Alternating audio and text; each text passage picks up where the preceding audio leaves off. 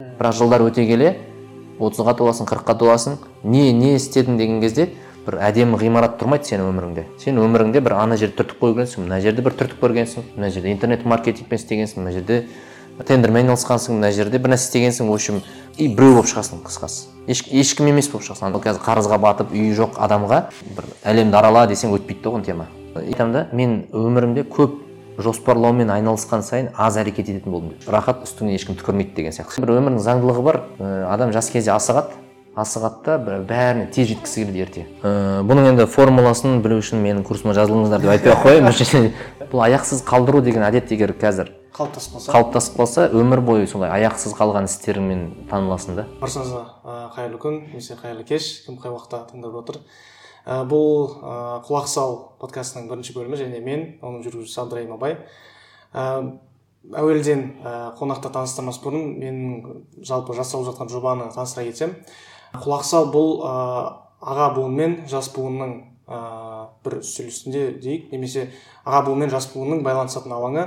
Ал ә, бұл жобаның ә, мақсаты не деген сұрақ пайда болса ол ә, қазіргі уақытта қызылды жасыл дүние орын алып жатқан кезде бір жақсылықтың ізгіліктің жыршысы болып қонағымызды таныстыра кетсек біздің бүгінгі қонағымыз ә, ш, алғашқы шығарылымымыздың ә, қонағы кітап компаниясының HR маманы және ә, не үшін үйлену керек қаржы қағидалары ә, лайфхактар кітаптарының авторы данияр жүпбек даниярға ә, жобамыздың бетін ашып ә, алғашқы қонағы болып отырсыз. Сөз кезегі өзіңізде. Ал ә, қайырлы күн қайырлы кеш құрметті подкаст тыңдармандар. Тақырып күшті таңдапсың ғабеке құлақ сал деп. Ә, шынымен де құлақ салатын нәрселер өте көп. Сол үшін енді бұл подкастқа бұл подкасттың ғұмыры ұзақ болсын. Бір реттік жоба болып қалмасын біздікі қолдау. Бүгінгі енді әбекеңнің сұрақтарына қарап ашыламыз. Енді көреміз не айтатынымызды бірақ пайдалы дүние айтатыныма сенімдімін.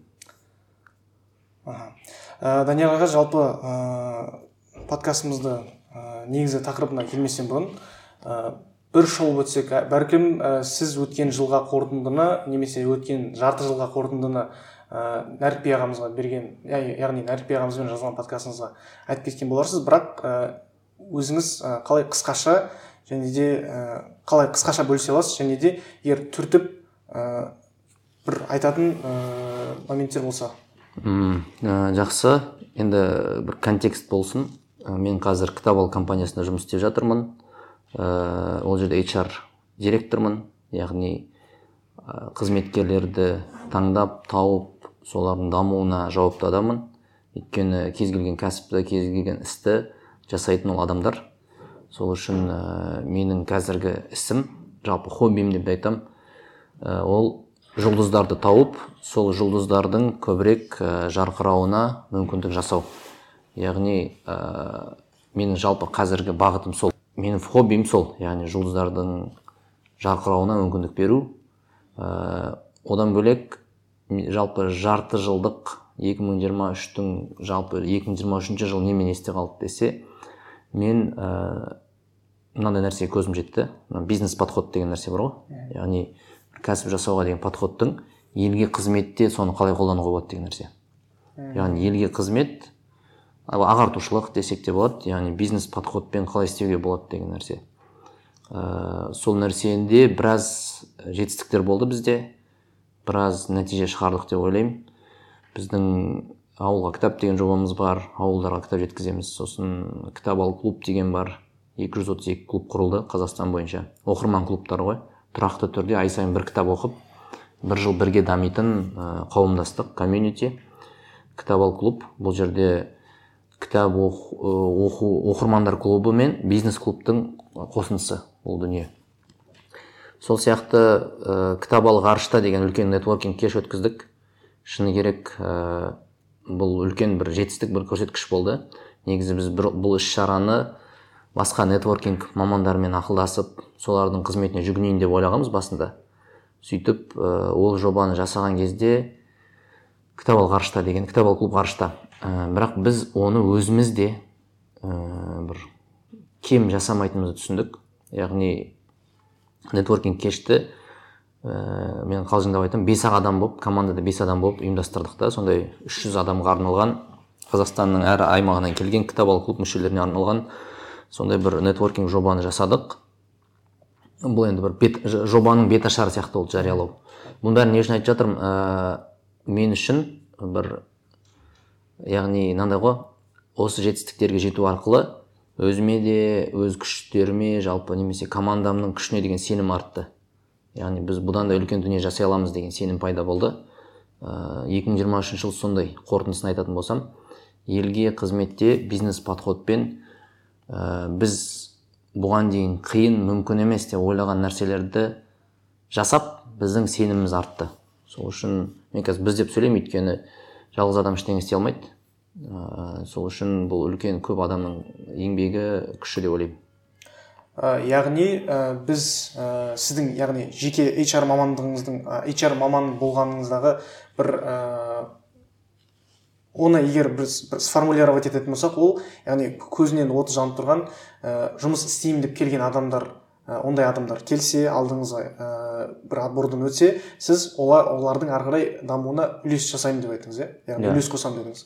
Ал одан кейін ә, яғни қорыта айтқанда сіз ә, или қызметпен ә, бизнесті яғни кәсіп жасауды ұштастырып ә, белгілі бір жаңағы ә, жобалар жасадыңыз. Кітап ал клаб ауылға кітап жобасы ә, және де соған басқа. Осы жерде бір нәрсе айта кетейін. Ә, мен қалжыңдап айтамын бізде қазір кітап ал клубта енді 252 клуб болса ә, бұл бизнес клуб деп ойласақ бизнес клубтың форматы бар яғни қауымдастық комьюнити яғни кітап алға жанашыр адамдардың сондай форматта бірігуі ғой. Сол кезде мен қалжыңдап айтамын біздің қызметкерлердің саны мың сегіз жүз болып кетті деген сияқты мың тоғыз жүз болып кетті. Бұның бәрі біздің қызметкер ретінде бірақ айлық алмауы мүмкін. Бірақ ә, бізді біріктіріп тұрған құндылықтар бар ә, миссия бар дегендей сол үшін біздің қызметкерлердің саны мысалы былтыр қаңтарда штаттағы 46 адам болған жалпы ресми. Ә, биыл алматыдағы біз алматыдамыз негізі негізгі дүкеніміз 47 адам. Жалпы штатта адам саны өзгермеген 46-47 бір ақ адамға артқан. Бірақ жасап жатқан жобалар көп адамның ісі сияқты көрінеді. Иә шынында да көп адамның ісі бірақ штаттағы емес адамдардың ісі. Ол біздің волонтерлар ол біздің бағанағыдай ә, YouTube көрермендеріміз кітап ал подкасттың кәдімгідей жанкүйерлері пайда болған. Сол үшін мен айтарым ә, жалпы мен қазір қайда жүрсем де HR подходпен жүремін. Өйткені менің ойымша әр адам ерекше тек сол ерекше адамның ерекше жарқырайтын жерін тауып беру керек. Сол үшін ол да бақытты сенің де ісің жүзеге асады да идеяларың. Сол үшін менің ойым қазір қайда жүрсем де мен андай бір м, таланттарды іздеп жүремін. Таланттар өйткені біріншіден ол біздің жобаларымызға ондай адамдар керек. Екіншіден сол адамның ә, өз дамуы үшін өз бақыты үшін керек нәрсе. Мысалы маған бір кісі жазда жазған. Осындай да осындай мен сіздерге қосылсам бола ма? Өзі бір қазақстанның батысынан сөйтсем бір ә, бір инженер ма біреу болып істейді екен. Сөйтіп мен польшада істеп келдім ана жақта істеп келдім.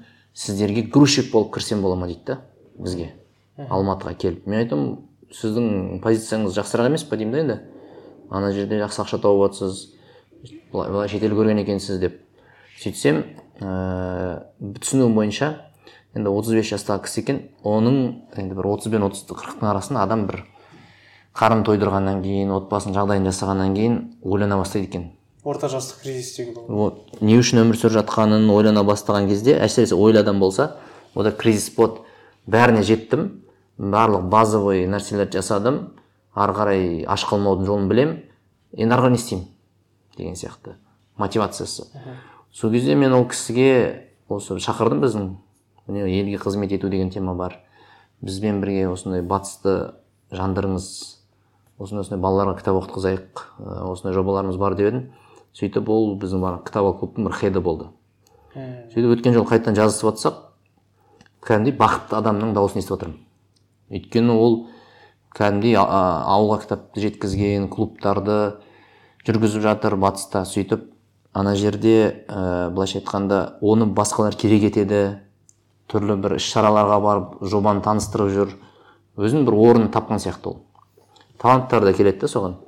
Сол кезде былай қарасаң ә, күшті ғой. Ол да бақытты. Біздің де миссиямыз ә, жүріп жатыр дегендей. Сол үшін бұл менің HR-лық қызметім тек қана мынау кітап ал компаниясымен шектелмейді. Егер елге қызмет деген үлкен нәрсені алсақ бәлкім ә, сол елге қызметте кім нені жақсы жасай алады соны мен көбірек уайымдаймын яғни мынау мынаны жақсы алады сен ойынша мынаны істесейші сен дизайнерсің мынау. Сөйтіп сөйтіп әркімге бір ә, не тауып беру керек та. Өзінің талант, талантына салай сай иә. Ол да бақытты. Әр адам егер жанса ойлаңыз әр адамның былай былай елестетсек болады. Әр адам жұлдыз бірақ оның жанатын бір позициясы болады. Мм, аспанда. Тек соны табу керек. Сенің сол әр ә, адамды жанатын позициясына қойып шықсаң онда аспан деген жап жарық болып кетеді ғой. Сол кезде мен осы менің HR-лығым тек ә, шектелмейді осы компаниямен. Ол әрірек болады да.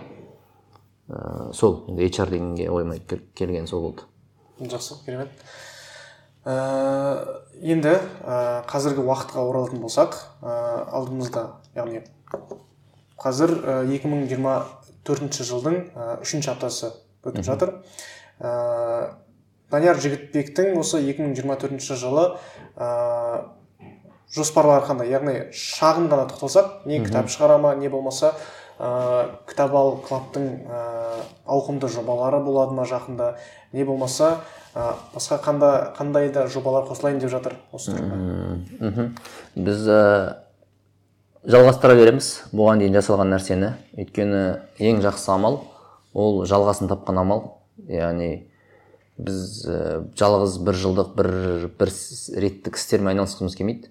Ә, сол ауылға кітапты құдай қаласа біз қазірдің өзінде осы подкаст жазылып жатқан кезде 140 ауылға жеткізіппіз ә, жыл соңына дейін соны 400-ге жеткізу деген бір амбиция бар.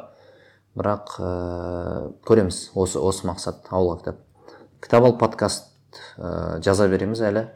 Кітап байқасақ ә, жақсы әсер етіп жатыр. Көп адам кітап оқи бастадым қызықтырдыңыздар дейді. Қонақтар шақырып форматты кішкене түрлендіріп соны жасай береміз. Ә, сосын кітап ал клуб ә, қазір төрт ай өтті. Төрт айда төрт кітап талданды оқылды.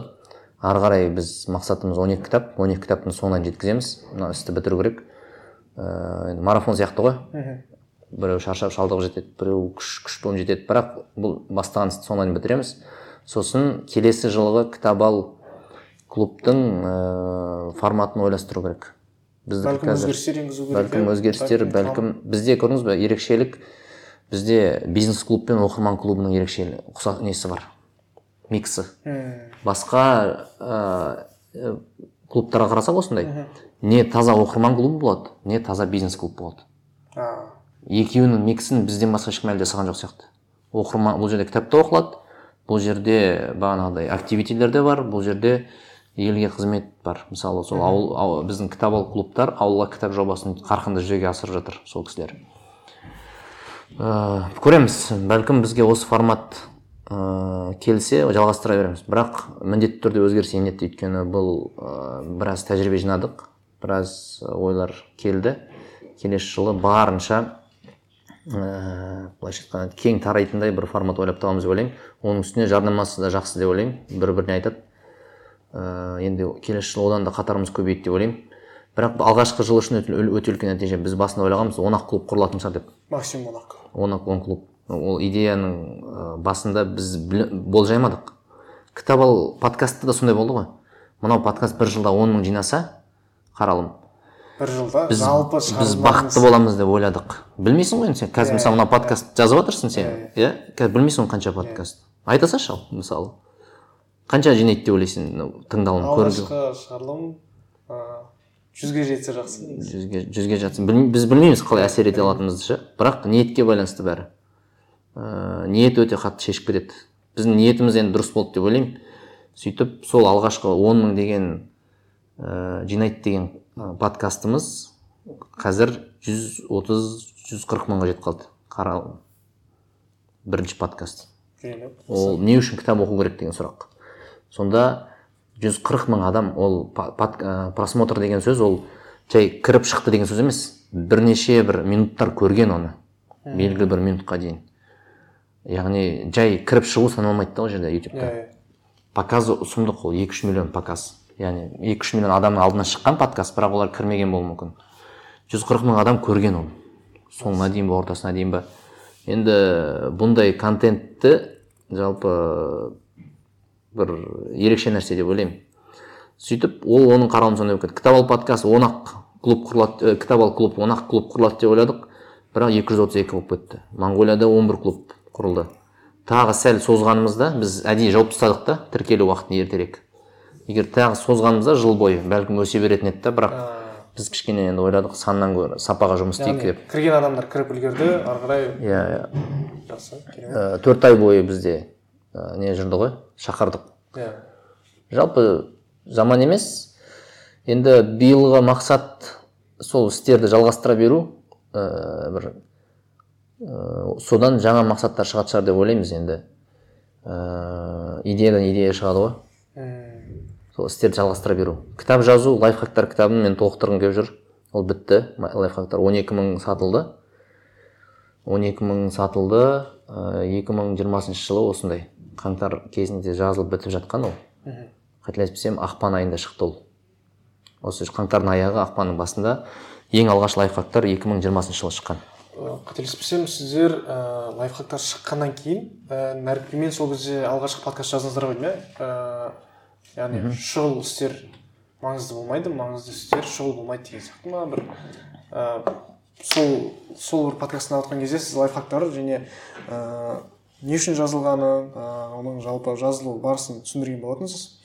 Ә, жалпы жақсы. Ә, алла істеріңізге береке берсін. Ә, яғни елімізге ұлтымызға қызмет етуді ә, тоқтамаңыздар жалғастыра беріңіздер.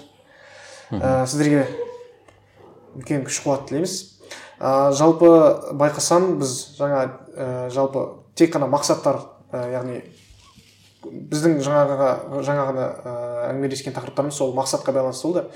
Ә, мақсат туралы қан- біраз жерде иә түсінемін мақсат жайлы біраз жерде айтылған мақсат жайлы талай кітаптар жазылды. Бірақ сонда да бір тоқталып өтсек.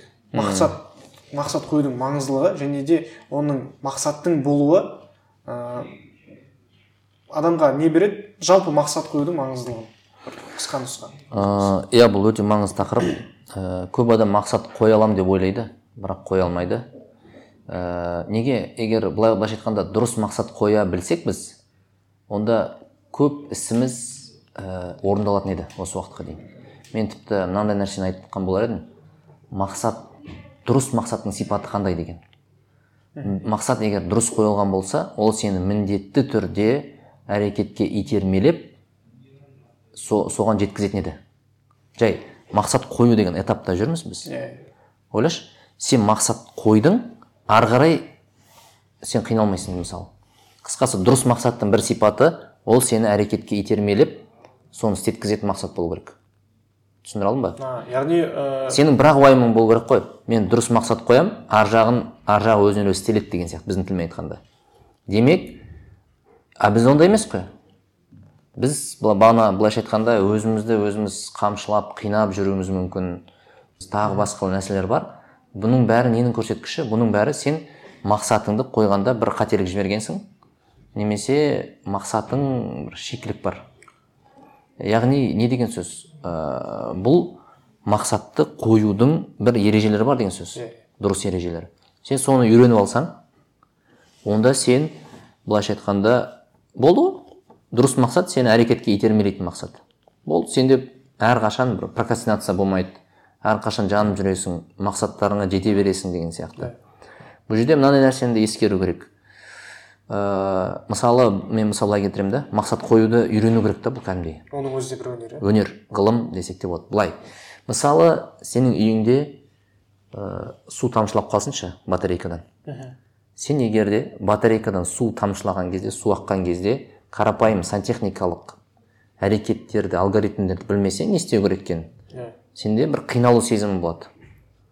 Иә бір паника болады. Звондайсың анауын звондайсың. Не, істе, не істерін білмейсің мысалы үшін.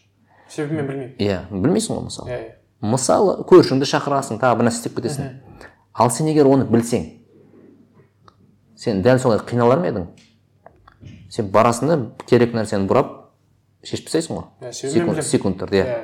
демек сенің кінәң жоқ қой. Сен сен сен тек қана білмейсің болды. Түсіндіре алдым ба? Иә. дәл сол сияқты мақсат. Мақсат қою мақсатқа жету дегеннің алгоритмін білмейтін адам ол бағанағы ә, трубаң жарылғандағы сезімге ұқсайды да. Егер де сен мақсат қоюды үйреніп алсаң үйренуге болады ғой. Иә. бұл үйренетін нәрсе. Қалай дұрыс қою керек қалай жоспарлау керек қалай приоритет қою керек мақсат жалпы. Соны үйреніп алсаң болды ғой сен на автомат істей бересің ғой. Керек. Сонда сенде мынандай сезім пайда болады. Мен қалаған нәрсемнің бәрін жете аламын деген. Андай өтірік амбиция емес. Кәдімгідей ә, дұрыс адекватно мақсат құра мақсат қойып дұрыс адекватный жоспар құра аласың. Ан- мен қазір андай амбицияны айтып жатқан жоқпын өтірік амбицияны. Көкірегін ұрып мен любой нәрсені істей аламын дейді да бірақ іске келген кезде не істеп шайып кетеді. Ә, яғни бұл күшті нәрсе да. Біріншіден біздің қазіргі түсінетініміз ол ә, мақсат қою деген нәрсе ол өнер оны үйрену керек. Әдет десек те болады жетістікке жету ол әдет қой. Мақсатыңа жету мақсатыңа жету ол әдет. Бұл әдет болса демек бұны ә, қалыптастыруға болады бұны үйренуге болады. Бұл жақсы жаңалық. Екіншіден ә, демек адам осы этапқа дейін мойындау керек болады да. Мен мақсат дұрыс қоя аламын ба қоя алмаймын ба а оны қалай білесің дұрыс қоя, қоя, қоя аласың ба қоя алмайсың ба осы уақытқа дейін сен қалаған нәрселеріңе жеттің ба жеткен жоқсың ба сенде жалпы өміріңде қандай жетістіктер бар мысалы үшін соған бір ой жүгірту керек егер де сен қалаған нәрселеріңе жете алмай жатқан болсаң немесе не фейл бола берген болсаң өміріңде значит сенің мақсат қоюыңда бір проблема бар. Бірақ бір но бар деген сөз ғой иә? Иә. Бірақ бірдеңе дұрыс емес қой. Дұрыс емес қой. Дұрыс болған кезде сен қалаған бағаңды алатын едің. Қалаған ақшаңды табатын едің. Иә. Енді қалаған деген реальностьті ескерген иә кезде. Иә. қалаған ақшаңды табатын едің. Ыыы қалау дегенде бір максимум қалау ғой. Мысалы саған мынандай қарыздан құтылу керек болды сен құтылатын едің. Немесе мынандай мынандай жасау керек еді сен істейтін едің деген сияқты. Енді бұл жерде ресурстарды да ескеру керек. Сол бар ресурстарыңмен сен жететін едің негізі. Бірақ сен жетпей жатырсың. Неге? Өйткені сенде мақсат қоюыңда бір нәрсе бар. Айлс тапсырамын дегенсің мынандай аламын дегенсің әлі алған жоқсың. Ағылшын үйренуге досым бар менің бір он жыл болды әлі ағылшын үйренген жоқ бір нәрсе дұрыс емес қой мақсат қоюында иә иә. мен, мен айттым да оған қалжыңдап сен уже ағылшын үйренбей ақ қой уже ағылшын сен пока үйренемін деп жүргенше ағылшын тілі уже а- актуальный болмай қалуы мүмкін деп. Қытайша үйрене бер сразу. Сонда айтайын дегенім ә, мақсат қою деген өте күшті нәрсе. Әсіресе жігіттерде ә, мақсат қоя білу деген бір өнер. Оны меңгеру керек. Енді детальдарын айтатын болсақ ә, мына жалпы ойды өзгерту мақсатқа қатысты. Жақсы сен мен мақсат қою білемін ой бұл деген бәрі айтып жатқан тақырып бір жауыр болған тақырып ішім пісіп кетті бұл туралы айтпа десе окей давай онда көрейік сен қандай мақсатыңа жеттің? Қалай жетіп жатсың? Қалай жетіп жатсың деген сұрақ. Қанша аз күшпен жетіп жатсың ба? Жоқ па? Бағанағы дұрыс мақсаттың ішіне айттық қой біз. Ол ә, сенің аз ресурсыңды қолданып көп нәтиже беретін мақсат. Сені әрекет еткізетін мақсат. Түсіндіре алдым ба? Ә, осы нәрсені білу керек. Мысалы былай айтсақ шет жағасын айтсам техника біреу қазір тыңдап жатқан адам ойлауы мүмкін ғой. Енді нақты техника қандай деген сияқты. Иә. Мен былай айтар едім да енді. Ә, кез келген мақсатта ә, мақсат қойған кезде бұл жерде смарт деген әдістер бар бағанағыдай ше иә әдістер көп. Ә, иә бұл жерде бірақ мынандай нәрсені ескеру керек та. Сенің жалпы миссияң не деген сұрақ қой енді? Яғни ол мақсат ол сенің миссияңа сенің өмірлік принциптеріңе келе ме деген сияқты ғой. Иә миссия деген енді қазір мысалы жас адам тыңдаса бір қиналып кетпес үшін мен бүйтіп айтайыншы. Жалпы ә, сен не үшін өмір сүріп жатырмын деп ойлайсың? Иә. Вот осы сұрақ. Ол менің ойымша әр саналы адамның әйтеуір өміріне қоятын сұрағы. Мынандай ең оңай қарапайым жауап бәріне ортақ жауап. Мен бақытты болу үшін өмір сүріп жатырмын мысалы үшін. Ең қарапайым бәріне ортақ ешкім бұған қарсы келмейді. Ә, миссия осы. Мен бақытты өмір сүргім келеді. Менің ойымша бәрі бақытты болғысы келеді. Бұл біздің миссиямыз бірінші миссиямыз. Әрқайсымыздың бақытты өмір сүруіміз. Енді сұрақ. Ә, ары қарай сенің өміріңнің тәжірибесі көрсетеді. Не істеп бақытты өмір сүру? Біреу гүл егіп бақытты біреу кітап жазып бақытты біреу үйретіп бақытты біреу ә, білмеймін бір не адамдардың көңіл күйін көтеріп бақытты әркім өзінің бағытын өмір сүру барысында түсінеді. Бірақ жас адамға қазіргі студентке оқушыға жас маманға мен айтамын сенің бірінші миссияң өмірдегі бақытты болу. Прикинь? Бақытты болу. Енді бақытты болу деген қалай білесің енді? Бақыт деген сезімді оны түсіндіре алмайсың. Түсіндіріп көруге де болады бірақ оны адам сезінеді тек қана. Мысалы мен осындай жігіттермен кездескенде студент жігіттер бар ғой. Сұраймын да кім өзін соңғы рет қашан бақытты сезінді? деп. Сен бұны түсіндіре алмайсың бірақ сезіне аласың ғой сөйтіп бір жігіт келген кешігіп келді да. Мен бағана өзімді бақытты сезіндім өйткені мен шаңғымен төмен түскен кезде дейді да. Иә иә. Жақсы жауап жақсы жауап пожалуйста біреу айтады ә, не дейді? Мен бүгін мысалы не дейді мен жұмыстан премия алдым бақыттымын не дейді. Или біреу айтады мен ә, бағана кітап оқыдым сол кезде бақытты сезіндім дейді өзін біреу айтады мен деген далада жаңбыр жауып тұрған кезде пештің жанында аяғымды жылытып ә, көрпе оранып шай ішіп кітап оқып отырдым телевизор көрген кезде бақытты сезіндім. Проблема жоқ. Енді сұрақты ақыры біз өзіміздің ә, бақыт қашан бақытты болатынымызды білеміз иә? Ә, кейбіреулер білмейді ғой бірақ. Бі- біреулер есіне түсіре алмайды. Қашан бақытты болғанын бұл проблема? Иә сен мен жалпы айтып отырмын ғой. Сенің бірінші мақсатың ол бақытты өмір сүру. Бақыт деген не? Оның бақыттың ішіне факторлар көп кіреді ғой бағанағыдай сен м, қарның тоқ болу керек ә, тағы не болуы мүмкін? Тағы сенің сен бостандықта жүруің керексің деген сияқты. Өйткені түрмеде қалай бақытты болуға болады мысалы еркіндігің бар да енді. Сол сияқты сен денің сау болу керек мысалы үшін. Иә. Бақытты көбірек сезіну үшін ше. Сол кезде ә, сенің миссияң бақытты болса бақытты өмір сүру болса демек сенің әрбір әрекетің сол миссияға әрбір мақсатың сол миссияның астында болу керек қой қысқасы. Иә иә былайша айтқанда миссия миссиядан мақсат туады. Егер де осы реттілікті ұстамасаң сен біреудің мақсатын қуалап кетесің. Мысалы мынандай да. Ыыы мынандай да ереже бар ғой. Сені сенің миссияң бақытты болса яғни сен сені бақытты ететін істер көп болу керек өміріңде.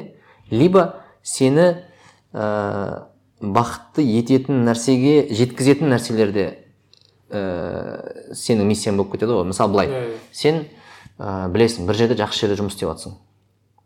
Ол жерде м, жақсы жерде жұмыс істеп жатсың. Окей сен ойлайық «А, бір мамандықтан қателестің деп есептейік. Оқып жатсың бір жерде сөйтіп оқып жатсың да ә, былай қараса и жұмыс істей бастайсың сол мамандық бойынша. Өзің ұнатпаған Иә. қателескен. Қателестің ұнатпадың деген сияқты сезім болады. Сонымен жұмыс істеп жатырсың түсінемін ә, сүйікті іс сүйікті адамдар деген ол да бақытты бір құрайтын нәрселер да. Иә иә. Сен өзінше ойлауы мүмкінсің мен мына жерде бақытсыз жүрмін деген сияқты. құл болып жүрмін. Ақша ақша тауып жатрсың бірақ. Ал енді тура сол адам былай істесе ше. Сосын ол сұрақ ол адам неге өзін құл сезінеді деген сұрақ? Себебі ол өзінің миссиясын өзінің мақсатын білмейді. Енді тура сол адам тура сол жұмысты істеп қалай бақытты бола алады мысалы үшін. Мысалы ол былай ойлайды. Так құдайға шүкір мен мына жерде бір ақша тауып жатырмын мысалы үшін. Сөйтіп біледі мойындайды мен мамандықтан қателестім бұл мені бақытты етпейтін сала екен. Бірақ мені не бақытты етеді? Менде алтыдан кейін сенбі жексенбі бос уақыт бар ғой. Иә иә. Дұрыс па? Иә. Мынау жұмыстан кетіп қалса қазір ол енді былайша айтқанда типа сүйікті емес деп мынадан қашса бәрі де бақытты құрайтын ақша деген не бар ғой? Қаржылық еркіндік анау ақшасы. Ана жағы әлсіреп қалады да ақша жағы. Ол да толық бақыт болып кете алмайды. Былай көзді жұмып мен бітті короче мынау салаға кетемін деп көзін жұмып кете алмайды да. Иә. Ол типа мынау сүйікті іс деген бақыттың компоненті ақша бағанағы еркіндік қаржылық. Ол компонент. Ол алады да мынау ақша деген компонентін алып тастайды да бірақ сүйікті іс деген компонентіне жүгіреді. Бәрі де бір жағы орнықтың бір аяғы нетіп қалады сынып Иә, қалады да иә, мен ондай кезде былай істеймін. Тура сол адам істей берсін ол жұмысты. Сөйтіп былай істесе ол. Так менің сүйікті ісім жазу мысалы үшін. Мен алтыдан кейін жаза аламын ғой. Иә. Алтыдан кейін пост жаза аламын алты ә, сенбі жексенбі әйтеуір бұл кімге керек? Ә, миссияның бір жақсы жері ол неге бағытталған да процесске бұл кімге керек? Главное менің миссиям бақытты болу ғой. Менің сағат алтыдан кейін кітап жазғаным жазумен айналысқаным мені бақытты ете ма? Иә. Мысалы үшін ше. Сөйтіп ол не істей бастайды? Оны ол ойша бір жоспар құра бастайды. Мен қазір ә, алтыдан кейін сенбі жексенбі күні кітап оқимын кітап жазамын. Сөйтіп өзімді жазушы ретінде дамыта бастаймын. Күні бойы ол инженер болып жүруі мүмкін сантехник болып жүруі мүмкін. Мысалында айтып жатырмын да. Бірақ ол біліп тұр ғой. Егер осы темппен жүре берсем менің жазу шеберлігім артады мен ә, жазушы ретінде таныла бастаймын. Сөйтіп менің бір кітаптарым қолжазбаларым бір нәрселерім жарық көре бастайды. Сөйтіп мен ақырын ақырын ол саладан аяғымды қойып алғаннан кейін ақша таба бастасам ақырындап мынау саладан соған көшіп кете аламын. Яғни бәрін тастап бірден емес. Иә. Ол өзінің нан тауып жүрген ә, жұмысын жасап жүреді. Бірақ бос уақытында мысалы өзінің сүйген ісімен айналысып егер одан нәтиже болып жатса ол жаңағы ә, қарашы енді сен осы кісінің орнына өзіңді қойып көрші. Сен осындай подходпен бақытты сезінесің бе өзіңді? Сен мысалы мынау сантехник болып жүрсің бір жерде. Иә. Жақсы ақша тауып жүрсің. Иә. Бірақ бос уақытында жұмыстан тыс уақытта. Анау нәрсені жасау арқылы өзіңе орысша айтқанда бір почва дайындап жатрсың ғой топырақ көшіп кететін. Сен сонда сантехник болып істеп жүргендегі жұмысыңды сен мәні бар ғой? Иә адамдар пайдалы болсын жоқ сантехник болып істегенде сен мынау қазіргі зато мен ә, сенбі жексенбі күні доставкаға шығып кетпей өзімнің сүйікті ісіме айналыса аламын. Сол үшін мынау сантехникке рахмет. Мхм. Түсіндің ба? Иә, иә. сен түпкі мақсатың бар ғой. Түпкі мақсатың бар ғой жаңа салаға кету деген. Иә және сен соған жүріп жатсың ғой. алтыдан кейін демалыс күні. Иә иә бірақ мынау жұмысың саған ә, бір еркіндік беріп тұр подушка болып тұр ақша беріп тұр да? Қарны ашып қалмауға алматы сияқты бір қайнаған жерде жүруге мүмкіндік беріп тұр ғой. Иә сол кезде сен мынау сантехник деген жұмысыңда өзіңді құл сезінбейсің ғой. Еркін сезінесің ғой дұрыс па? Иә иә сенің түпкі мақсатың ә, жаңа салаға көшу өзіңді иә жаңа қырынан ашу иә. А неге адам өзін құл сезінеді мынандай жұмыста? Ол бұған жұмыс беруші де сантехник жұмысы да кінәлі емес. Оның просто өзінің мақсаты жоқ. Оның мақсаты жоқ ол сол үшін өзін құл сезінеді. Мен не істеп жүрмін деген сұрақтар өзінің бір түпкі мақсаты жоқ или бір көріп тұрған бағыты жоқ. Ол сол себепті қазір өзін жасап құл сезінеді да сосын ол бағана бастығына ренжиді. Мысалы үшін ше. Немесе жұмысына ренжиді мынау онша жұмыс емес анау мынау айлығы аз. Айлық аз деуі мүмкін. Айлықты енді бұл жерде айлығын айлықтан кейінгі әңгімелер болып отыр да бұл иә жерде. Иә байқасаң ой неге мен біреудің тапсырмасын орындауым керекпін деп ренжіп жүреді да өзінен иә өзі. иә. Былай қарасаң ол негізі өзіне ренжу керек еді. Проблема бастықта да емес проблема жұмыста да емес проблема оның өзінде мақсат жоқ. Бағанада ойлашы мақсаты бар.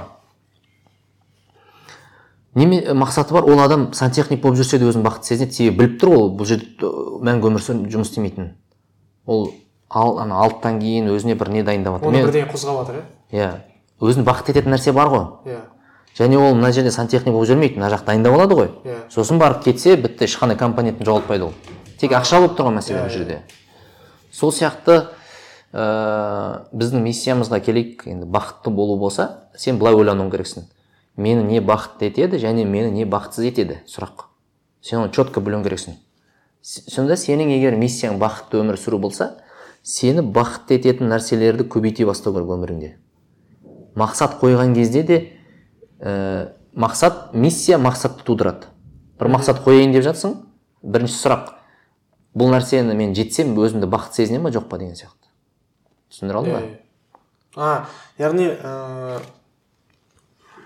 үлкен контексті бір ә, келтіретін болсақ ә, ең әуелден біздің бір бел- белгілі бір миссиямыз болу керек. Иә ол қазір біздің миссиямыз бақытты өмір сүру. Яғни мына тыңдап жатқан адамның бәрінің миссиясы бақытты өмір сүру мен қиындатпай ақ қояйын бұл тақырыпты иә. Жақсы. Яғни бір миссия болу керек. Қазіргі уақытта ол ә, бір ғана контекст ол бақытты өмір сүру. Иә. ал сол миссияның астынан мақсаттар туындау керек. Иә. Ал ә, тіпті мынау сантехник болып жүрген кісінің ыыы былай болуы да мүмкін да? Окей ол жазушы боламын деп ойламай ақ қойсын. Бірақ та тревел блогер болғысы келіп жүр дейікші. Сантехник бірақ тревел блогер ол болады ғой. Иә, иә. армандауға болады ғой. Иә, ол не істейді? Ол алады да бүйтеді мен мынандай саяхатқа шығу үшін мынандай камера алу үшін мынандай петличка алу үшін мынанша ақша керек. Сол үшін мен қазір сантехник болып жүру үшін сантехниктің ішінде мақсаттар қояды короче. Мысалы, иә. позицияларға өсу иә ұнаған өсу немесе мынанша заказ орындау. мынанша заказ орындау мақсат қою бар да. Бұл мақсат миссияның астында ма жоқ па? Миссияның астында себебі ол Иә. тревел блогер оны бақытты етеді ғой. Вот ол сол түпкі мақсатқа иә, апара жатқан нәрсенің бәрі солай туындайды да короче түсіндіре алдың ба бұл жерде даже ана сүйікті сүйікті емес іс деген вообще тема болмай қалады уже. Сен егер миссияңды түсініп алсаң и өзіңді не, бақытты ететінін иә түсінсең. иә. И всегда былай байқасаң айтады ғой сүйікті іс дейді. Даже сенің ең сүйікті ісіңнің өзінде сүйікті емес нәрселер болады. Түсіндіре алдың ба? Бұл жүз пайыз сен кайфовать етіп жүресің деген жер жоқ. Бірақ түпкі нәрсе саған кайф әкелсе оған дейінгі нәрсенің бәрі уже автомат түрде кайф әкелетін нәрсе болып саналады. Ұнамаса да саған. Түсіндіре алдың ба? Яғни ә, бірінші мақсат болу үшін біз бәріміз келісе алайық. Біздің мақсатымыз ол бақытты өмір сүру. Бақыт деген не ол? Еркіндік махаббат деннің саулығы. қауіпсіздік сау, деннің саулығы мысалы үшін. Иә. Осы нәрселер ғой негізі. Денің сау болса яғни былайша айтқанда мынандай болуы мүмкін. Мысалы тренировка таңертең ерте тұрып он мың қадам жасау қиын. Істегің келмейді. Енді сен бұл маған ұнамайды деп істемей қойсаң не болады? Сенің түбінде мына денсаулық деген ә, компонентің былайша айтқанда діріл ә, не шатқа түсуі мүмкін мысалы үшін ше. Сонда сен сенің түпкі мақсатың бақытты болу болса и бақытты құрайтын нәрсе ол денсаулық болса Иә. сол денсаулық жолында жасаған әрбір нәпсіңе жақпай жақпаса да істер уже автоматты түрде сенің мақсаттарыңда уже нәпсіге жағу жақпау деген автомат түрде жоқ болып кетеді. Өйткені сен біліп тұрсың ғой. Иә. Ә, мысалы қаржы сауатын үйрен, үйренгім келмейді дейді да біреу. Экономистің келмейді өзіне Ә, ойлағым келмейді қаржы курсына қаржы кітабын оқығым келмейді дейді да. Окей проблема жоқ. Бірақ сенің түпкі ә, қаржылық еркіндік ол тоже бақыттың бір құраушысы ғой. Иә, иә. түбі сен бақытсыз болайын деп тұрсың ғой. Егер қарызда Ол, иә. болсаң бір сенің бізде адамдар бақытты болғысы келмейтін сияқты әрекеттеріне қарасам. Мен неге айтып жатырмын құлағына құю керек та әр адам. Сенің миссияң бақытты өмір сүру. Десең ол автомат түрде ақшаны не үшін ә, үнемдеу керек не үшін дұрыс басқару керек? Себебі бақытты болу үшін. Түбінде бақытты болып жатыр иә ден- спортпен не үшін айналысу керек? Бақытты болу үшін. Іс- ісіңді тиянақты жасау керек не үшін? Бақытты өмір сүр. Просто анау бақыт үшін ә, бақытыңның сапасы да азайып кетеді да былайша айтқанда. Сен иә мен бақыттымын дейсің бірақ прикинь бір жерің ауырып жүреді почкаң ауырып жүреді да. Қалай сен мен бақыттымын деп айтасың анау а почка ауырмау үшін бір нәрсе істеуің керексің ғой. Өзінен өзі бола береді деген тема жоқ қой бұл жерде. Сол үшін ә, миссия өте қатты шешеді. Түпкі нәрсе бақытты бол, бақытты болғандықтан оған апаратын саған ұнамайды оны басында ұнамайды деген нәрсенің бәрі ұнай бастайды. М, сантехникке жұмысы ұнай бастайды. Өйткені ол біліп тұр мен мына жұмысты істесем ол маған менің мені бақытты ететін іске жол ашып жатыр. Тревел блогер болады. Сөйтіп сөйтіп ол тревел блогингтен көп ақша таба бастайды. Сол кезде ол айтуы мүмкін так сантехник мен, в принципе маған уже жет, уже көмектесіп берді. Тұру аяққа тұруыма мен ол ақшаны уже өзім таба аламын так что дейді да оның бақыты көбейе бастайды. Мысалы үшін ше. Ол уже әр сәтінен бақыт сезіне бастайды. Сосын ол ол миссиясын былай не істейді уточнять етеді. Демек менің мақс- бақ- ә, миссиям ә, әлемді аралап оны басқаларға көрсетіп бақытты өмір сүру. Көрдің ба уже миссиясы ұшталып кетті бағанағы жазушының миссиясы не болып кетеді? Ә, адамдарға жазу арқылы жақсы эмоция сыйлап бақытты өмір сүру болып кетеді. Көрдің ба? Иә. А, ол сразу аспаннан түскен жоқ қой ол сантехник болған басында. Сол сияқты біз миссия деген тақырыптан бастайтынымыз сол да. Дұрыс мақсат деген солай болады. Сол кезде бұл андай сияқты ғой. Дұрыс мақсат деп айтып жатырмын мысалы сен елестет үйдің қандай үй салайын деп жатқанының ә, дизайны бар. Қанша бөлме болады мынандай квадратура чертеж жасайды ғой обычно. Құрылысшыларға көрсетеді бұрын. Сөйтіп чертеж дайын болғаннан кейін құрылысқа кіріссе адамдар сол кезде анау әр кірпіштің мәні бар да короче. Мына кірпішті мына жерге қойып жатыр демек қазір ә, мынау қабырғаны жасап жатыр. Қазір ваннаның несі иә. Әр кірпішті жасаған сайын сен ә, сенің миссияң ол үй деп ойлайық үйді тұрғызу. Сол кезде сенің әр кірпішің мағыналы. Сен бостан бос іспен айналысып жатқан жоқсың. Түсіндіре алдым ба осыны? Иә иә ал енді елестетейік миссиясы жоқ адам не істейді? Ол кірпіш мына жерге ә, төрт бұрыш жасау керек деген мақсат пайда болады да сөйтіп қалайды кірпішті. Кірпішті қалайды мына кірпіш, кірпішті қалайды вроде көп жұмыс істеді көп мақсат қойды. Нәтижесінде не шықты? Нәтижесінде бір бір бірімен үйлеспейтін бір бөлмелер қабырғаның бір жағы шығып ешбір қалады икемсіз салынған иә немесе андай ә, кірпіштердің үйіндісі пайда болады. А миссия деген сөз сен әр миссия деген сөз сен өмірде ешқандай артық іспен айналыспайсың тек қана миссияңның аясындағы миссия деген үйдің чертежі. Соның аясындағы істермен ғана айналысасың. Енді сен супер эффективный боласың ғой енді. Сол үшін өзіңе сұрақ қоюың керексің да. Мысалы біз айтты келісіп алдық қой бақытты өмір сүру болса. Иә. Мына нәрсені істеу мені бақытты ете ме жоқ па? Или осының нәтижесі мені бақытты ете ме жоқ па? Иә. қайда апара жатыр? Миссиядан төмен төмен түсесің. Мысалы былай да ә, мен ә, мысалы қаржылай еркін болғым келеді. Мысалы үшін ше. Ә, окей кәсіпкер боламын деп шештім. Мысалы маған қаржылық еркіндік керек. Ә, мысалы маған үй керек осындай. Осындай көлік керек. Айына осындай пассивный доход керек. Осындай осындай осындай осындай осындай. Проблема жоқ. Осылар болса мен өзім бақыт сезінемін. Проблема жоқ. Сенің миссияң келіп тұр. Сосын ары қарай ары қарай қайтасың артқа қарай. Ол үшін мен кім болуым керекпін деген сияқты.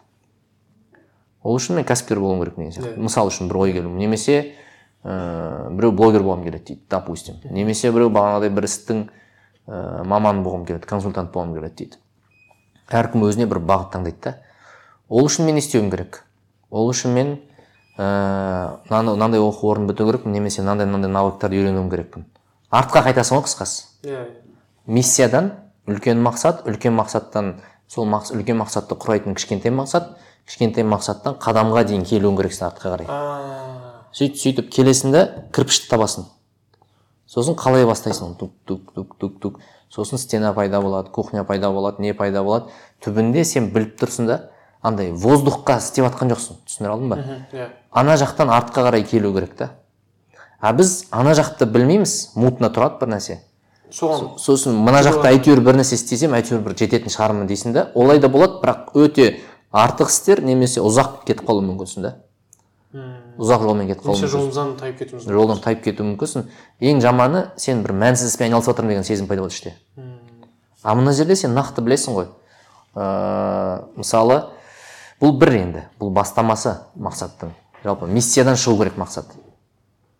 Ал миссияң болмаса онда ыыы мақсат сен біреудің мақсатын немесе бағанағыдай басқа бөлмелермен үйлеспейтін бір қабырғаны жасап кетуі мүмкінсің өміріңде. Бірақ жылдар өте келе отызға толасың қырыққа толасың не не істедің деген кезде бір әдемі ғимарат тұрмайды сенің өміріңде. Сен өміріңде бір ана жерді түртіп қойгенсің мына жерде бір түртіп көргенсің мына жерде интернет маркетингпен істегенсің мына жерде ә, тендермен айналысқансың мына жерде бір нәрсе істегенсің в общем и біреу болып шығасың қысқасы. Еш, ешкім емес болып шығасың. Елестет үйдің мысалы ә, кухня былай тұр сосын залды басқа жақтан жасап қойған сондай бір нәрсе пайда болады сенің өміріңде. А миссия деген нәрсе ә, нақты да мысалы және бұл жерде айта кететін нәрсе миссия дегенде м, миссияның жанында мысалы мынандай нәрселер бар миссияның астында дейікші қалау қажеттілік деген бар. Мысалы баспана қажеттілік. Иә. Қажеттілік ол қалау емес мысалы үшін. Ол қажет. қажеттілік саған баспанасыз болсаң жағдайың қиын болайын деп тұрмын допустим.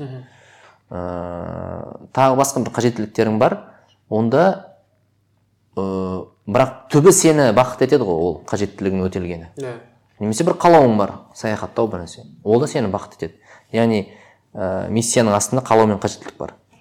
Яғни сен мақсатыңа қарау керексің. Мынау менің қажеттілігім үшін жасап жатқан қойылып жатқан мақсат па? Әлде қалауымды орындау үшін жасап жатқан мақсат па? Мысалы қазір қарызға батып үйі жоқ адамға сен мысалы бір әлемді арала десең өтпейді да тема қалаудың темасы өтпейді. Қажеттілік. Иә оған қазір- қарыздан шығу керек. қарыздан шығу керек үй алу керек та осы бірақ осының бәріне бір формула ғой мақсат. Бағанағыдай ііі енді мен қазір үлкен нәрсені философиядан әкеле жатырмын техниканы қалап жатқан адамға. Ол жерде мынандай болады ыыы біз қазір мақсат қойған кезде мынандай болу керек қой. А нүктесі б нүктесі дегенді білу керек. Мен қазір қай жерде тұрмын және нақты қай жерге барғым келеді. Адресі болу керек та. Иә иә. Бізде осы жерден проблема кетеді. Не білмейді не иә не асын білмейді не бысын білмейді әйтеуір бір ыыы мысалы тіл үйрену деген мысал өте қарапайым. Иә. Үй алу дегеннің өзі сондай жалпы нәрсе. Иә иә. Бұл жерде ә, түсініксіз. Осындай осындай нәрсе иә. Қалауы бар әйтеуір бір үй алу керек деп ә, ол өте артық жұмыс жасауы мүмкін. Немесе қашан мақсатқа жете бағана айттым ғой мен мақсат деген дұрыс мақсат ол саған әрекетке итермелейтін және болжауға болатын мақсаттар.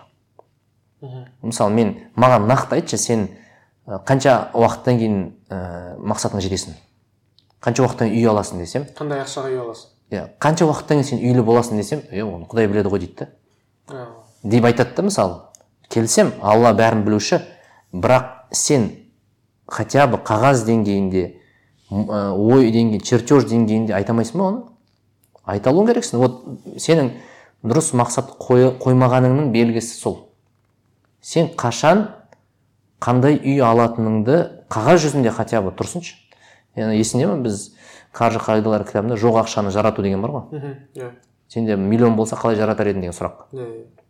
Сенде әлі миллион жоқ бірақ сен оны жарата алуың керексің. Дәл сол сияқты мақсат қойған кезде сен ә, қандай қадамдар жасасаң үй, үйге жететініңді қашан жететініңді білсең күшті сезім ба иә. Қазір ол мутный сезім болуы мүмкін да көп адамда. Потому что оның ойында құдай біледі ә, көреміз деген көреміз. Көрінбеді а, а нүктесі жарайды. Үйі жоқ қой нөл. Иә. Б нүктесі қандай? Ол да мүмкін ол да мутный. Мутный ғой үй алу деген б нүктесі емес ол.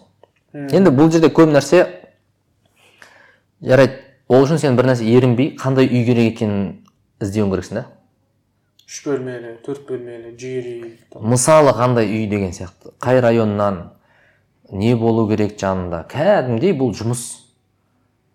Былай қарасаң тегін ғой. Иә. және приятный жұмыс. Бізде көп нәрсе адам былай ғой мен айтамын да мен өмірімде көп жоспарлаумен айналысқан сайын аз әрекет ететін болдым деп. Қызық. Ал аз жоспарлаған сайын көп әрекет ете бастадым дейді. Мысалы мен жалқау адаммын. Маған көп істеген ұнамайды негізі. Маған аз істеген ұнайды да. Сол үшін мен өзіме ұнайтын жоспарлаумен көп айналысамын да. Мысалы неғұрлым жоспарлаумен көп айналыссаң әрекет соғұрлым аз әрекет жасайсың. Жоспарлау ол мақсатқа жету жолы. Сонымен қарашы ерінбей және бұл приятный жұмыс қой. Тегін еще ерінбей маған нақты үй керек па? Нақты қандай үй керек? Қай районнан керек? Қандай қанша бөлмелі? Тіпті былай айтсаң вообще тема. Міне мына мынау жк дан мынаншасыншы этаждан мынандай десең вообще тема. Қанша уақытта қанша ә, уақытты кейін есептеуге болады. Но содан басталады бәрі. Иә. Шүк шүк. Уже уже жақсарды жағдай. Мынандай жк дан мынаншасыншы этаж болу керек? Ол мен үшін өте маңызды. Ә, немесе андай бір прикол бар еді. Мен бесінші бізде біз үй таңдаған сондай болған. Ә, біз үшінші этажда тұрғанбыз ғой бұрын. Иә. сосын бесінші этаждан үй алдық та бес этажды Мхм. сол кезде рахат үстіңнен ешкім түкірмейді деген сияқты ше. Біз біз ана үшінші этажда көрдік қой енді талай тоқсаныншы жылдар. Ешкім түкірмейді деген сияқты. Сондай бесінші этаж четкий да. Бесінші этаж мынандай болу керек мынандай район мектеп мына жерде болу керек. Бұның бәрін есептеу тегін ғой. Иә. Тегін ба? Ешкім ақша алмайды. Ешкім ақша алмайды. Барлық ресурс тұр крыша тұр не тұр. Барып көзіңмен көріп сөйтіп сенің ойыңдағы мутный нәрсе анық бола бастайды. Енді қарайсың бағасы неше?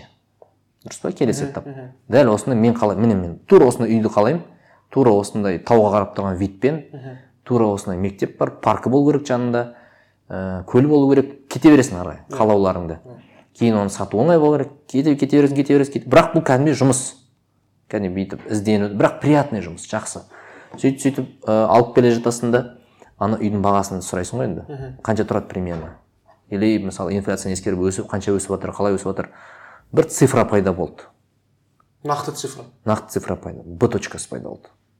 Сенің өміріңде б деген точка пайда болды. Мутный емес үй алу емес Иә. ол нақты цифра. Иә иә иә. Андай да мысалы кейбіреулер ыыы мысалы отбасы бағып бір нәрсеге салып қояды да бірақ қандай үй күтіп тұрғанын білмеуі мүмкін да. Ей бұйырғанын көреміз дейді мысалы үшін ше.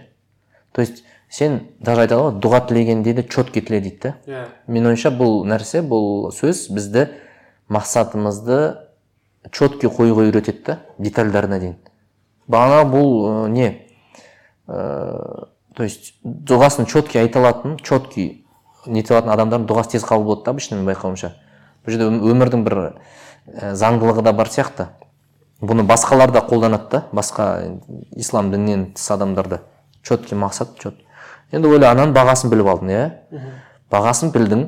Ну допустим саған ұнайтын ә, сенің мысалы бір қызың ұлың бар дейік. Мысалы үшін екеуіне бір әртүрлі бөлме болу керек. Анау мынау білмеймін алпыс миллион болсын елу миллион жетпіс миллион болсын мысалы үшін сенің районыңда сол қалаған районыңда. Сосын сен қарайсың б точкасы анық. Ақшаға келіп тіреліп тұр ғой. Иә. Дәл сол үй. Дәл сол үйді не үшін іздедік? Бізге елестету үшін. Бағанағыдай сезімдер тудыру үшін ше. Сөйтіп ә, сенде жетпіс миллионның жетпіс миллион табу керек екен. Сөйтіп сен а точкаңды анықтайсың. А точкаңды анықтайсың. А точкаңды қалай анықтайсың? Менде қанша ақша бар? иә. А точканы былай есептесең болады мен жинап қойған 10 миллионым бар. Мына үйім сатылса 30 миллион болады. Мысалы үшін. Деп есептеуге де болады болмаса жоқ мына үйімді сатпаймын мен чисто десең де өзің білесің но а точкасын тауып алу керек саған мысал үшін окей.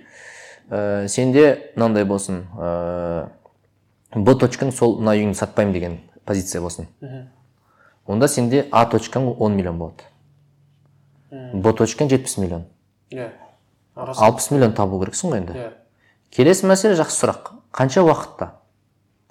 Бұны да біреулер айтуы мүмкін. Бұл мен үшін тез болғаны маңызды емес. Асықпай алсам да болады деуі мүмкін. Яғни асықпай Иә. жетсем болды. иә. А біреу айтуы мүмкін жоқ менің балам мектепке барғанша мен осы районға дейін көшіп үлгеруім мүмкін сол үшін екі жыл қалды деп деуі де мүмкін да енді проблема жоқ. Ә, но білу керек та уақыт аз болған сайын әр неге айға күнге нагрузка көп түсуі мүмкін да. Көресің мүмкіндігіңе қарай. Енді қарапайым ғой. Ә, так 60 миллион табу керек. Қанша уақытта табу керек? Мысалы екі, екі жылда табу керек. отыз миллионнан екі жылда. Екі жылда 30 миллион табу керек. Дұрыс па? Енді логически. ай сайын неше табуың керек? отызда он екіге үш миллион ғой иә? үш миллион. Енді сен сұрақ қоясың да ә, енді жарайды отбасыңмен айына бір 500 мың құрт дейік жұмса демек сен былай ойланасың ғой біз қазір өте қатты сум, үлкен суммалармен кетіп жатырмыз бірақ ә, мына тыңдарманға бір елестету үшін да ә, сен енді бүйтесің жарайды. Ә, енді мынандай сұрақ қой. Мен ай сайын үш жарым миллион табу үшін ә, қандай қандай қасиеттерге қандай жалпы не істей алуым керек деген сияқты. Мм. фокуста үш ай сайын үш жарым миллион таба алатын үш жарым миллион ә, Әкелетін әкелетін қандай? жұмыстар не бар өзі? Сөйтсем мынандай мынандай адамдар короче. Иә. Так мен ондай адамдармен айтады ғой ана бір сөз бар ғой марғұлан ағаның келтіретін.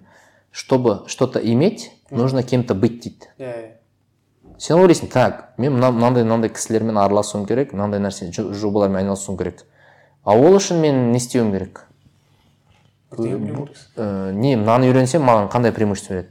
Допустим тіл білсем мынандай болады немесе біздің жағдайда ол үш жарым миллион беру үшін сен көресің енді может кітап сатып жүрсің ба ә, кәсіппен айналысып жүрсің ба кәсіппен айналысып жүрген біреусің деп ойлайық. Иә таза үш жарым миллион болу үшін ә, сен оборотың қанша болу керек? Ол оборот болу үшін инвестордан қанша сұрауың керек? Қысқасы былайша айтқанда сен ә, ерінбей цифрлардан қашпай қорықпай есептеу керек. анау мақсатыңа жететін жолды сызуың керексің да.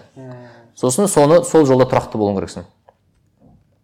Әйтпесе анау алпыс миллионды біз біздің отношениеміз егер бұндай отношение болмаса көрдің ба сен?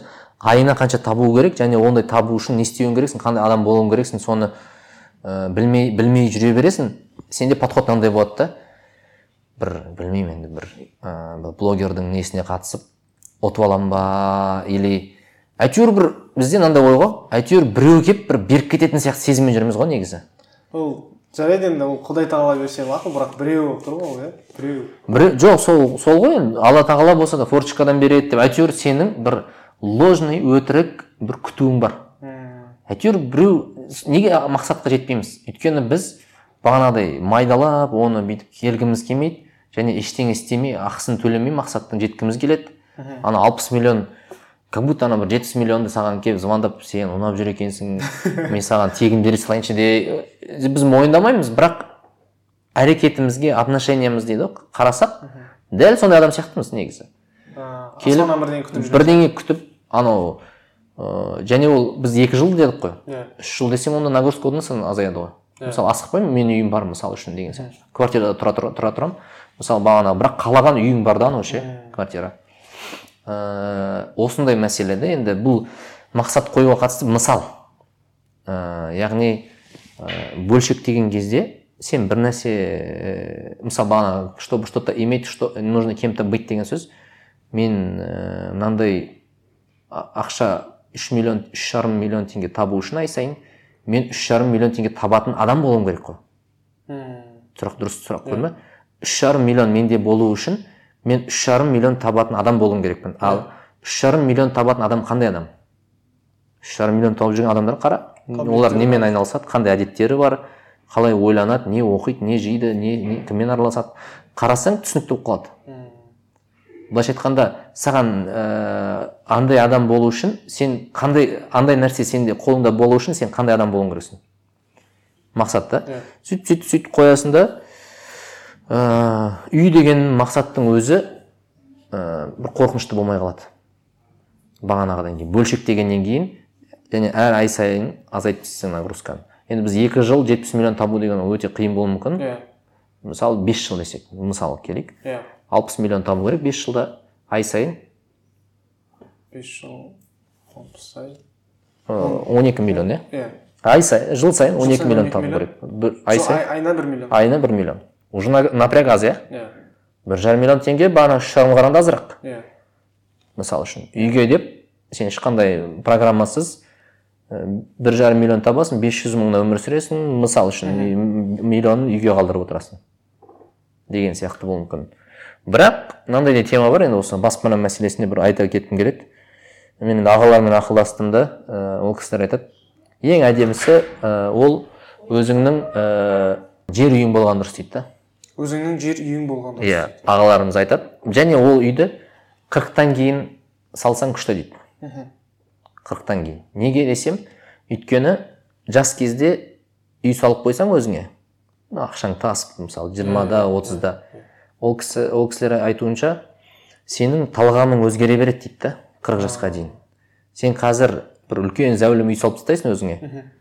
Бірақ қырықтан кейін ол саған ұнамауы мүмкін. Қырық емес сол отыздың арасында саған ана жер ұнамайды мына жерін бүйту керек деген сияқты ойлар болады дейді да. Жалпы қырықта бір ә, сенде ойыңда бәрі отырады оған дейін тәжірибе де жинайсың и анау үйге байланасың қысқасы. Сол үшін маған ұнайтын жалпы өмір стилі ол бағанағыдай өзіңнің ақша табу ә, потенциалыңды көбейте беру арқылы үй алмай сол ақшаны мысалы саяхатқа білімге жұмсап квартирада тұра беру де норма деген ше? Иә иә. Мысалы үшін. Мен ол подход ә, біздің елде біздің қазіргі жағдайда жарасады олай істеу деп ойлаймын. Сонда сен әйтпесе сен жастық шағың бәрін бағанағыдай ойлашы сен жастық шағың бойы бір бұл жерде қазір жер үй туралы айтып жатқан жоқпыз. Иә. бір квартира алу туралы дейікші. Иә. Соған жұмсайсың сөйтіп ол үй саған ұнамай қалады. Он жыл бойы жинап қол жеткізесің қол, жет, қол жеткізесің дегенде енді андай немен кіріп аласың ғой енді оған Иә. ол үйге. Иә. Сол үйге кіріп аласың да сосын ол сені он жылдан кейін жалықтырады. Бірақ енді плюсы минусы әркім әртүрлі көреді. Иә. оны ол әрине үй, сатып жіберетін үй болса әңгіме жоқ. Иә. алған үйін қайтадан сатып жібере алатындай үй болса проблема жоқ та. Бірақ ә, бағана ұмытпау керек.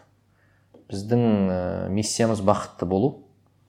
Және бәлкім сен сол жылдары білім алсаң саяхаттасаң тағы басқа нәрселер істесең балаңды оқытсаң ақшаны ә, соған көбірек жұмсасаң кейін ол көп есе болып қайтады ғой сенің қырық жасыңда балаларыңда. Бірақ ә, енді әркім көреді әр несін. Өзінің біреу үшін маңызды ол. Баспаналы болу иә өте, өте маңызды. бірінші не бірақ ә, оған бір жалпы жас кезде немен айналысу керек мына жастар ғой тыңдап жатқан менің ойымша ә, мынандай ғой. Қажет болса баспана ала салатындай отыздан кейін. Сен осы жиырма мен отыздың арасында сондай потенциалыңды күшейту керексің да. Өйткені бір өмірдің заңдылығы бар. Ә, адам жас кезде асығады. Асығады да бәріне тез жеткісі келеді ерте. Бірақ ондай болуы мүмкін бірақ өте сирек. Ең жақсысы мен стабильный жұмыс істейтін нәрсені айтайын. Жиырма мен отыздың арасында қумай дұрыс жүріп дұрыс есептеп дұрыс жұмыс істеген адам міндетті түрде ол отыздан кейін ол нетеді атады. Яғни ә, келесі я- яғни бүгінгі подкастымыздың негізгі тақырыбына өтпей тұрып біз ә, ә, бір жол өтсек ол яғни миссия болу керек. Миссиядан мақсат туындайды. Ал сол мақсатқа жету үшін оны жаңағы үйдің мысалында кішкентай бөлшектерге бөліп есептеу керек. Дұрыс қой? Иә иә. Ә, жан данияр аға осы ә,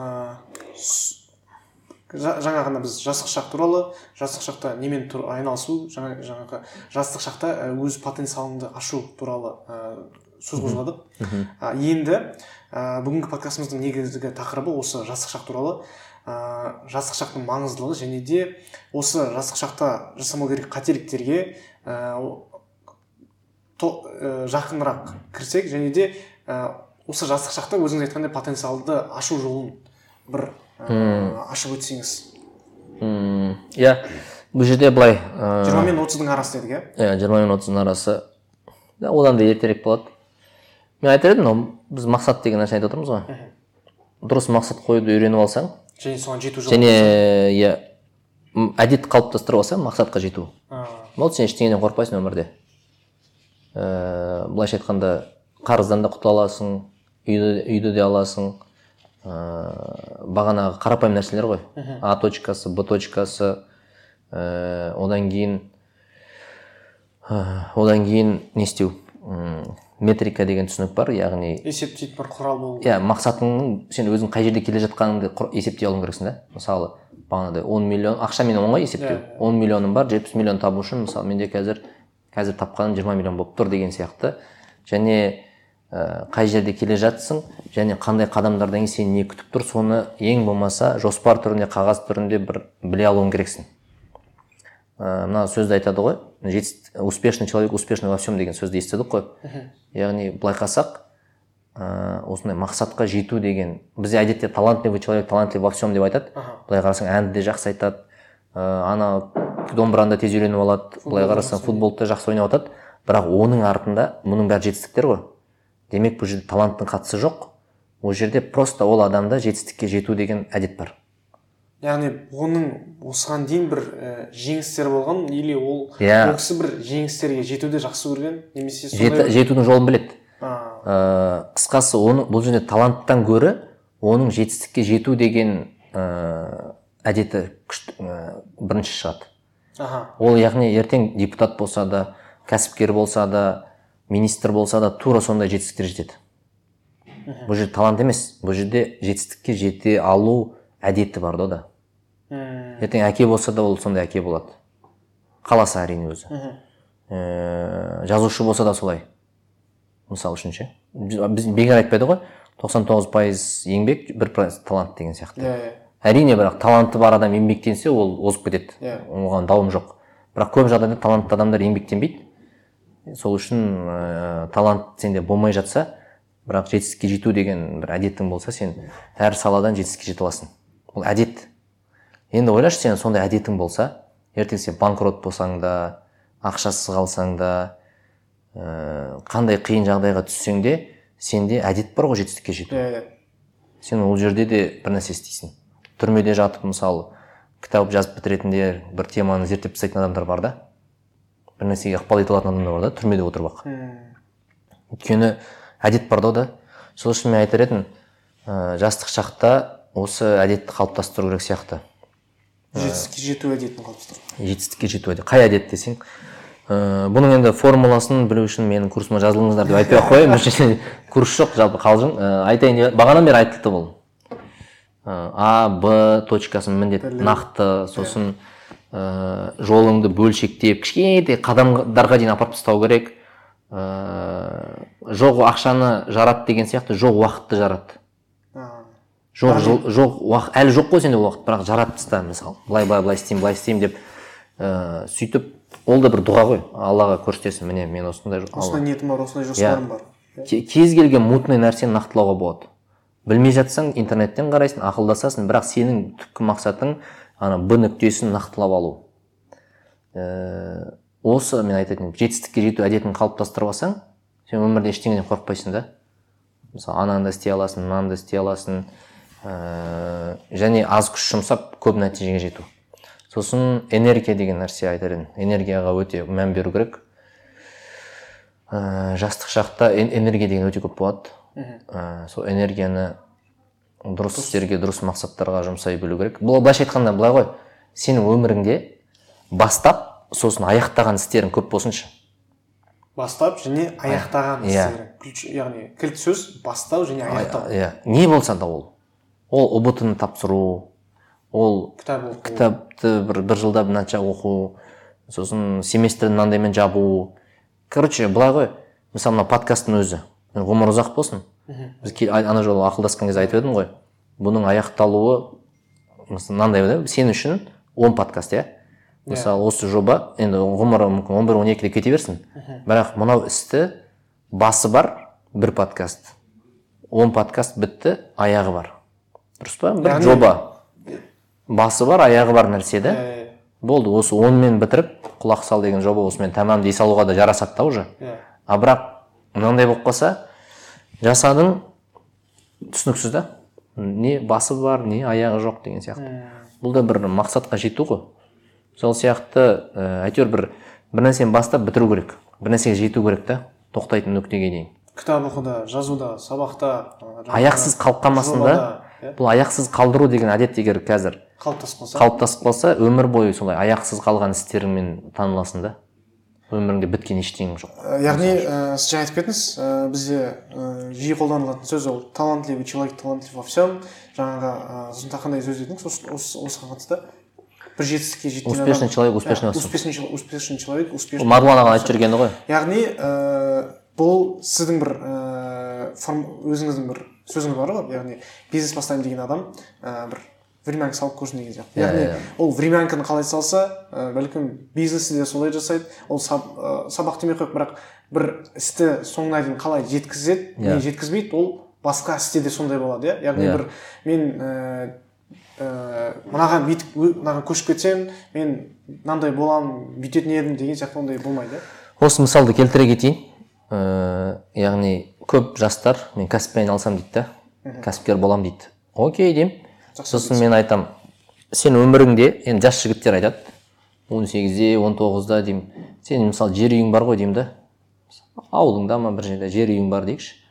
Саған сен қазір жер берсем сол жерде маған өзіңе ұнайтындай времянка сала аласың ба деймін да өзің жалғыз әкеңмен ақылдаспай.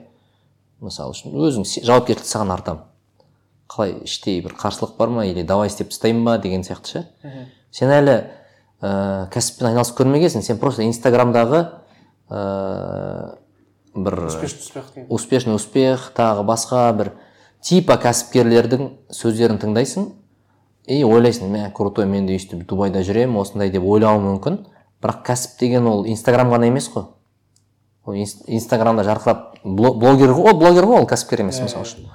Кәсіпкер әдетте мықты кәсіпкерлер менің білуімше олардың уақыты жоқ инстаграмға. Олардың инстаграмдары ондай қатты емес қой еще? Ондай. Иә иә. Просто бір сурет болмаса андай андай тексттары да ондай. Егер адамның инстаграмға менің ойымда ә, инстаграмда контент түсіруге уақыты көп болып жетіп жатса артылып жатса онда явно ол кәсіппен айналысып жүрген жоқ та басқа уақытында. Мен мен сөйтіп ойлаймын енді. Өйткені білемін да уақыттың қандай ә, қиын екенін жетпейтінін. Соған бағанағы жігітке айтамын ғой. Времянка салшы деймін да. Времянка. Үлкен үй сал демей ақ қой енді времянка сал деймін сенде ақша жоқ мысалы үшін. Кәсіпте де сондай ғой кәсіп бастағанда саған ешкім ақша бермейді ғой. Начальный капитал жоқ. Қалай времянка саласың деп. Қарайды көзін жыпылықтатады. Ыыы явно біреуден ақша сұрауың керек болады. Ну типа времянка салып қайтадан сату деген сияқты ғой мысалы үшін. Сөйтіп окей таптың дейік инвесторды. Иә. Инвесторге де сен қорғауың керексің ғой. Ана чертежін жасауың керексің үйдің оған бір әсер етуің керек. Оған бір әсер етуің керек сосын үйдің чертежін жасауың керексің. Есептер сәйкес келу керек. Э, иә бағанағыдай фин моделін жасауың керексің сосын қанша нақты ақша керек қалай шығындайсың бухгалтериясы бар шығындардың жоспары бар материал закуп закуп товаров. Қай, қайдан алдырасың ресейден алдырасың ба или анау алматыдағы базарға барып аласың ба? Леруа мерлиннен аласың ба? Қандай сапада? Оны анау ағаштың кірпіштің сапалары қандай? Қалай арзан қалай саудаласуға болады? Сенде бюджет шектеулі ғой. Иә. Біреудің ақшасын қолданайын деп тұрсың. Соны сен жаса, жасап көрші. Сосын найым деген нәрсе болады. Кәсіпкер болсаң сен адамдар міндетті түрде адамдарды жалдайсың да. Ойла енді сен кіммен қалай келісесің ақшасын қалай қоясың? Өте қиын процесстер негізі. О, сосын оларға жұмыс істетесің олардың айлығын бонусын дұрыс есептейсің дедлайндар дұрыс қоюың керексің. Крыша анау мынау сосын ә, анау жұмысшылар жұмыссыз қалып қалады бірақ ана жерден ә, бағана құрылыс материалдары келмей қалады. Анау қарасаң балтаны жоғалтып алады балтаны сұрап сені күтеді. Сен барып базарға қайтадан шауып ана нені алып келесің арасын балтасын алып келесің. Оған тамақтандыру керек. Сосын сроктарды қадағалау керек сапасын қадағалау керек. Қарапайым времянканы сала алмасаң егер осылай қалай кәсіпті де сен тура солай жасайсың. Бұл жерде бір экстра бір андай ойламау керек та. Біреу кәсіпкер болып туады біреу андай. Просто қарапайым істерді қалай істейсің сен? Мына үлкен істің өзінің қарапайым қадамдары бар ғой. Иә вот осы нәрсені 18-19 жасар жігіт істей алмай жатып қазір ә, бір үлкен кәсіпкер болам анау мынау болам десе біртүрлі да енді. То есть может кәсіпкер емес сен может басқа бағытпен кетесің может қызық па саған осындай нәрселер? Біреулерге шынымен қызық осы процесстер. Ананы істеп мынаны істеп. Енді бұл жерде андайлар да бар мен кәсіпкермін деп айтатындар. Алады да сатады короче. Олай оны кәсіпкер деуге бола ма болмай ма білмеймін. Мысалы қытайдан бір затты алады да бүйтіп сатады.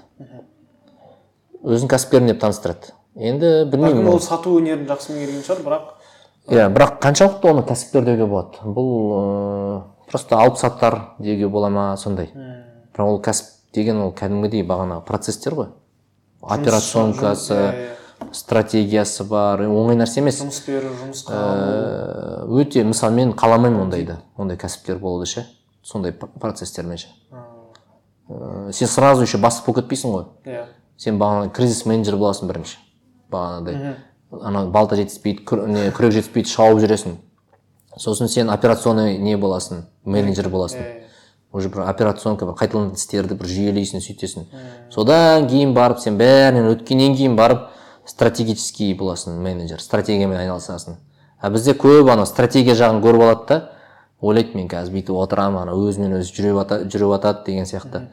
Сол үшін мен айтарым ә, бұның былайша айтқанда ә, қандай іспен айналыссаң да бәрі қарапайым істердің жиынтығы екенін ұмытпау керек мысалы үкімет ол тоже операционкамен айналысатын жер операционка анау деген кәдімгідей жолдарды жөндеу жұмыспен қамту басқа нәрсе істеу онікі өте күрделі мен, мен ойымша кәсіпте жетістікке жеткен адамдар ә, сол үкіметке бару керек деп ойлаймын өйткені олар кәсіптегі операционканы жүйелей алған адамдар заводтарды заводтарды реттей алған адамдар ана жерде тура сол қара қадамдар ғой. Просто кішкене несі басқа. Структура басқа. Структура басқа бірақ әрекеттер подход тура сол. Иә бағана енді біз басында айттық қой бизнес подход деп.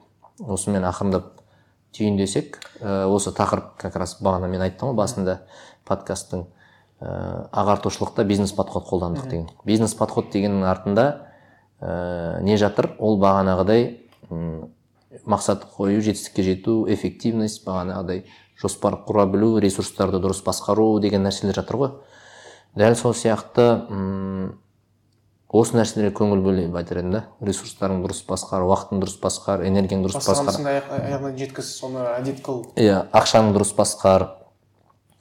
Ә, короче істі бітіруші деген проблема шешуші деген образдарға ие бол деп айтар едім да яғни біз ә, бұл яғни данияр жігітбектің ойы бұл саған кәсіпкер болма кәсіпке жақындама деп жатқан жоқ тек белгілі бір ә, қабілеттерді үйрен ә, өзіңде бір ә, жақсы яғни сол ә, кәсіпкердің ә, кәсіпкердің бойындағы бар қабілеттерді өзіңде қалыптастыра біл және соған жаймен келе берсең болады деген сияқты сөз Иә, ғой иә. иә Ә, жалпы ә, подкастымыздың алғашқы қонағы болған ә, данияр жігітбек ағамызға алғыс айтамыз. Ә, қызық бір жайт. Мен ә, бұл подкастты кітап компаниясының ә, митинг румында жазып жатырмын. Оған да үлкен алғыс. Ә, жобамды қолғап жобамды қолдап ағалық өзіңіздің ә, уақытыңызды бөліп ә, кеңестеріңізбен бөліскеніңізге рахмет данияр ағам ә, сол өзіңіз бір бір екі сөзбен тәмамдап Ә, жіберсеңіз ұзағынан болсын. Құрметті тыңдарман. Абайды бақылаңыздар. Слово пацана деді. Он он он он подкаст жазам деді кемінде. Ә, миссиясы миссиясы түсінікті. Ә, бағана аға буын мен жас буынды байланыстыру деді. Иә құлақ сал дегені де бір ерекше екен. Өйткені мен ойымша бұл ә, құлақ сал деген сөз әдетте айтыла бермейтін нәрселерді есті деген сияқты да. Мысалы біз бағана инстаграмдағы шуды айттық басқаны айттық. Бәлкім бұл подкасттың миссиясы да сондай да. Жастардың жастар көңіл бөле бермейтін нәрселерге ә, құлақтарын салдырту деген сияқты ше? Иә иә. Олар деген бағанағыдай бәрі кәсіпкер болу керек деген бір иллюзиямен жүру мүмкін. Бірақ мына жақта айтылатын ойлар ә, болашақ кейіпкерлердің де қонақтардың да ә, қонақтардан да сондай сөздер шығару керек сияқты. Яғни ә, жастар естімей жатқан құлақ салуға мұқтаж нәрселерді айтқызу керек та. Сол кезде бір подкасттың да ерекшелігі болады. Сол үшін іске сәт. Тыңдарманы көп болсын ә, алға шаба бер. Сіздермен бірге болған құлақ сал подкасты бірінші шығарылым тәмам